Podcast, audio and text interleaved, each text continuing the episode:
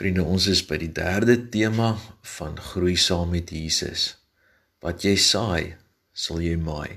Paulus skryf in Galasiërs 6 vers 7: Moenie jouself mislei nie. God laat nie met hom spot nie. Wat 'n mens saai, sal hy ook oes.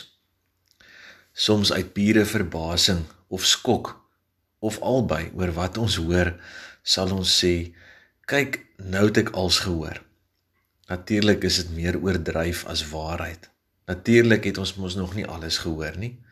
Die idee is om ons reaksie op wat ons hoor te onderstreep en nie so seer om die waarheid te praat oor die omvang van dit wat ons in die lewe al gehoor het nie.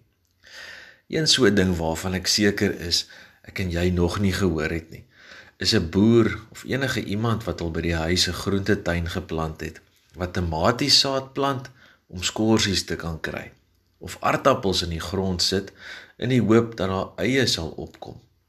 Dis mos nie hoe dinge werk nie. As jy skorsies wil hê, moet jy skorsiepitte plant. En as jy eie wil hê, moet jy eie saad gebruik. Dieselfde is waar met ons lewens. As jy 'n goeie en rein lewe wil hê, een wat God se liefde uitstraal aan ander, moet ons die saad van goeie woorde, dade, liefde en vergifnis en in ons harte en gedagtes saai. As ons dit nie doen nie, sal daar iets anders in ons lewens te voorskyn kom wat waarskynlik nie God se inwoning in ons lewens sal vertoon nie. Want so onnatuurlik as wat dit in die saailand of die groentetuin is, so onnatuurlik is dit in ons lewens om te verwag dat iets anders gaan opkom as wat ons saai. Watter saad gaan ons vandag plant? Ons moet mooi dink want môre oor môre kom dit op en is dit sigbaar vir elkeen wat na jou en my lewe kyk. Het jy geweet dat dit baie belangrik is waar 'n mens die sogenaamde rooi boom, deel van die spesies naaldbome plant? Want hierdie bome word ongelooflik groot. Een so boom in Kalifornië word beskou as die grootste lewende ding op aarde.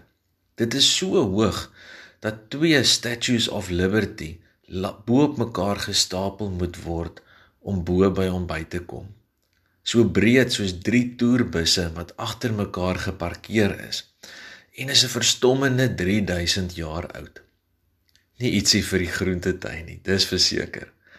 Maar nou is ons een stappie nader aan die waarheid van nou het ek als gehoor.